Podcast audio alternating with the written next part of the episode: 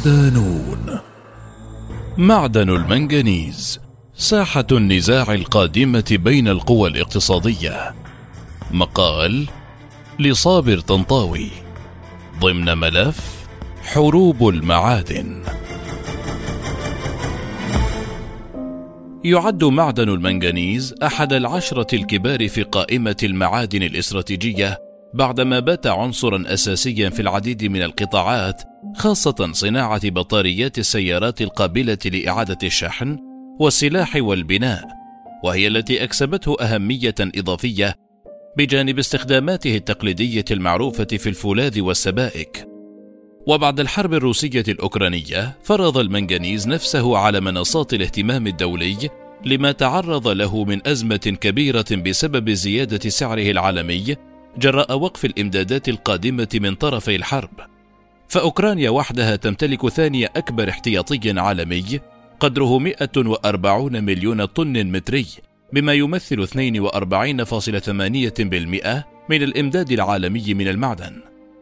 الأهمية المتزايدة لهذا المعدن الذي حجز مقعده في طائرة الصناعات المستقبلية مع تركيز الحجم الأكبر من احتياطيه في القارة الإفريقية إذ تحتوي صحراء كالاهاري في جنوب إفريقيا وحدها على أكثر من 70% من احتياطي المنغنيز في العالم.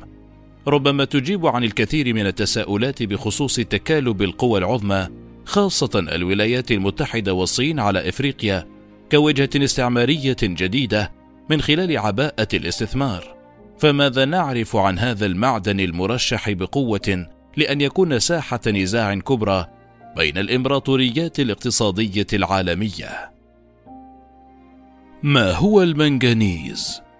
يرمز للمنغنيز بأم أن ويحتل رقم 25 في الجدول الدوري وهو من العناصر الانتقالية حيث يقع بين الكروميوم والحديد ويصنف على أنه فلز متقصف رمادي فضي اللون ووزنه الذري 54.938 ويوجد في الغالب في القشرة الأرضية إما في صورة منفصلة وإما متحد مع بعض العناصر المعدنية الأخرى.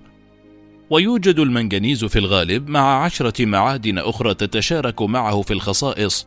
هي المنجنيت وهو عبارة عن معدن أسود اللون وكثافته النوعية 4.3 وبيرولوسيت وهو عبارة عن ثاني أكسيد المنجنيز حر يحتوي عادة على قليل من الماء. وبوليانيت وهو أكسيد المنجنيز ويتبلور في نظام رباعي الأضلاع. وفيسلومان وهو أحد أكاسيد المعدن كذلك ويحتوي على كميات متغيرة من أكاسيد الباريوم والبوتاسيوم والصوديوم والماء.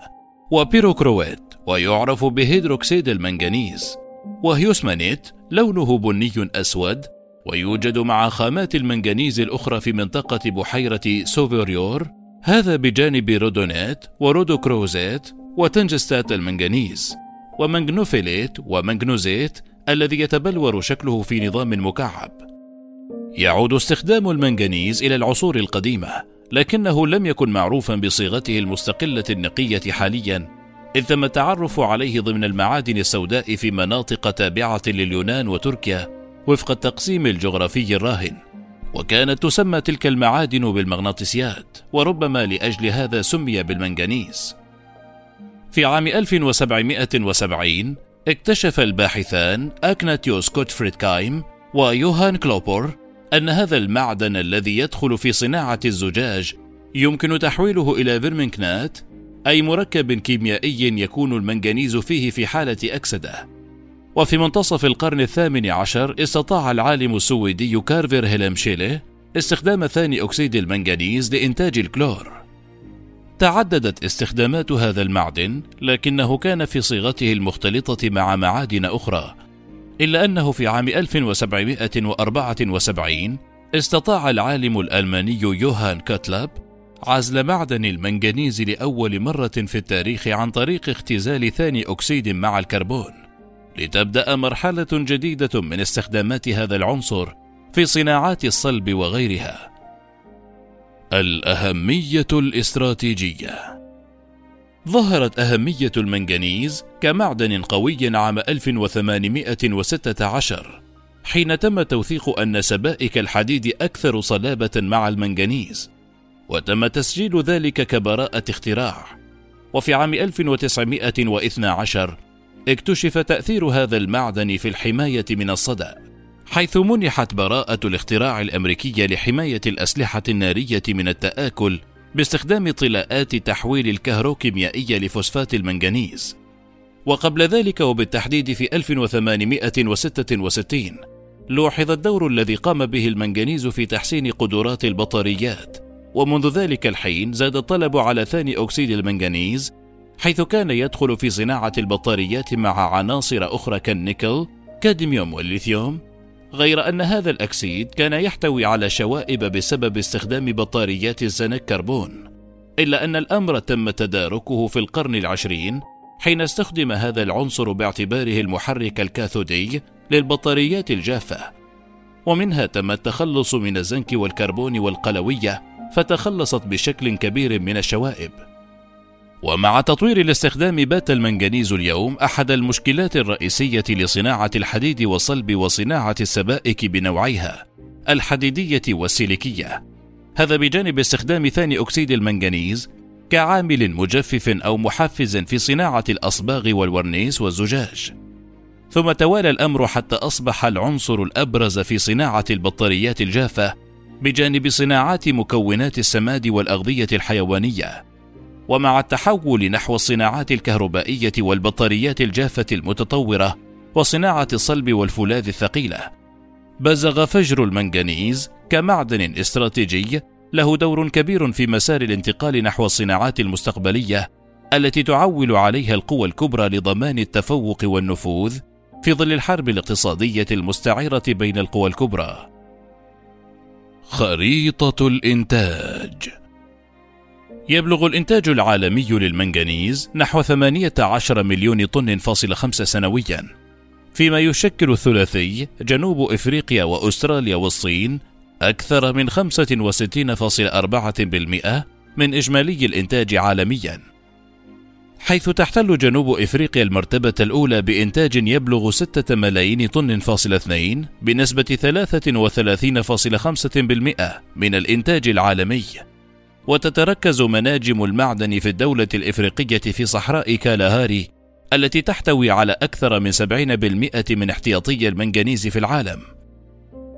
ونتيجة لهذا الاحتياطي الغفير للمعدن في جنوب إفريقيا مثلت عائداته المادية المورد الاقتصادي الأبرز في البلاد، كما أنه المصدر الأساسي للعملات الأجنبية، فيما تحول هذا المجال إلى قبلة للاستثمارات الداخلية والخارجية على حد سواء. فهناك عشرات الشركات الوطنية والأجنبية تعمل في قطاع التعدين المربح، تأتي أستراليا في المرتبة الثانية بإنتاج يبلغ ثلاثة ملايين طن سنويا ورابع أكبر احتياطي عالمي بصادرات سنوية تقدر بأكثر من مليار دولار ويتركز المعدن في منطقة جروت أيلاند التي تعد قلب التعدين في أستراليا وتتصدر الشركة الأسترالية جيمكو قائمة الشركات العاملة في هذا القطاع وهي واحدة من كبرى شركات إنتاج المنغنيز في العالم. وفي المركز الثالث يحل العملاق الصيني بإنتاج سنوي يبلغ مليوني طن فاصلة تسعة لكنها تحتل المرتبة الأولى في آسيا ورغم اكتشاف احتياطي كبير للمنغنيز في أحد مناجم مقاطعة غويتشو بمعدل يصل إلى نحو صفر مليار طن فاصل 203 من خام المنغنيز وتقدر قيمته الإجمالية بأكثر من عشر مليارات دولار. فإن حاجة البلاد من هذا المعدن أكبر من ذلك لتلبية الطلب المحلي المتزايد بعدما بات هذا المعدن عنصرا اساسيا في معظم الصناعات الحيوية. ثم تأتي في المرتبة الرابعة الجابون بمليون طن فاصل ثمانية تليها البرازيل خامسة بمليون طن ثم الهند بصفر فاصل تسعة مليون طن وفي المرتبة السابعة ماليزيا بصفر مليون طن فاصل أربعة. أما المراكز الثلاثة الأخيرة فكانت من نصيب أوكرانيا وكازاخستان وغانا بصفر مليون طن فاصل تسعة وثلاثين لكل منهم.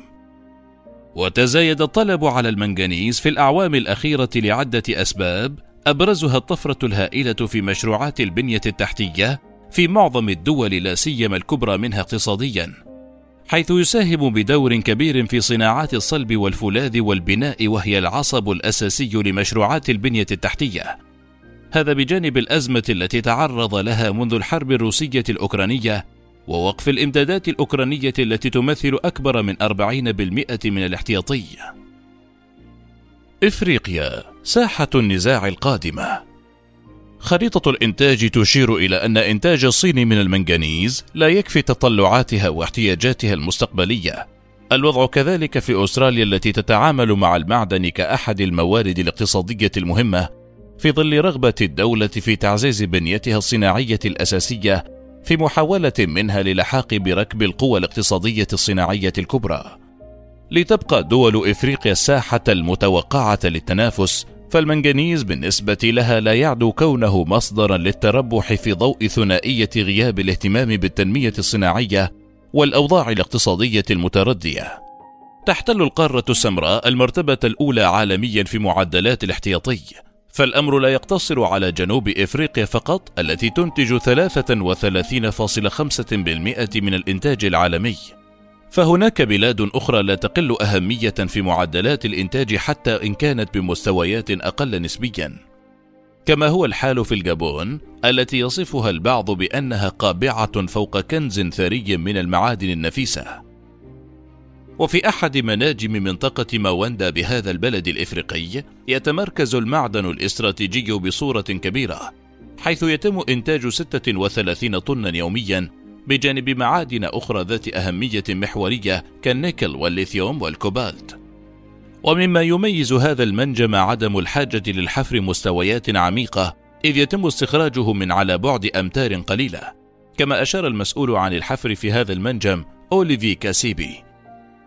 نحن محظوظون في مواندا لأننا نجد المنغنيز على عمق خمسة إلى ستة أمتار تحت سطح الأرض، وفق تصريحاته للفرنسية. وتذهب تقديرات شركة نهر أوجوي للتعدين التابعة لمجموعة إيراميت الفرنسية التي تستغل الموقع وتديره إلى أن مدينة مواندا الجابونية والمدن الملاصقة لها تحتوي على 25% من احتياطي المنغنيز في العالم. وهو ما دفع الكثير من الشركات العالمية للتوجه إليها بحثا عن نصيب من تلك الثورة التعدينية الاستراتيجية. التنافس بين القوى الكبرى. الأعوام الخمسة الماضية شهدت هرولة صينية أمريكية صوب القارة الإفريقية، لا سيما الوسط والجنوب الغني بالثروات المعدنية، استغلالا لأوضاع تلك الدول الاقتصادية والأمنية والسياسية الهشة، ما يجعل من استعمارهم اقتصاديا مسألة ليست صعبة خاصة أن تلك البلدان ليس لديها الطموح الاقتصادي الذي يدفعها للتمسك بكنوزها وثرواتها الطبيعية. وبعد ابتعاد مرحلي خلال العقد الماضي عاود الكبيران الاهتمام بإفريقيا مرة أخرى بعد الاكتشافات التعدينية الأخيرة التي أسالت لعابهما الذي زاد جريانه بعد الأزمة الاقتصادية العالمية منذ جائحة كورونا كوفيد 19 والسنوات العجاف التي خيمت على الاقتصاد العالمي. فضلا عن ارتفاع درجة حرارة الحرب الاقتصادية بين بكين وواشنطن التي كانت محفزا للسيطرة على الثروات التعدينية في شتى بقاع العالم بما يضمن لهما النفوذ المستقبلي. التقرير السنوي للعلاقات التجارية بين الصين وإفريقيا الصادر في الخامس والعشرين من سبتمبر أيلول 2021 كشف أن حجم التجارة الثنائية بين الطرفين ارتفع ليصل إلى 187 مليار دولار عام 2020 وفي الأشهر السبع الأولى فقط من هذا العام زاد بنسبة 405% لتحتل الصين المرتبة الأولى كأفضل شريك تجاري لإفريقيا للعام الثاني عشر على التوالي.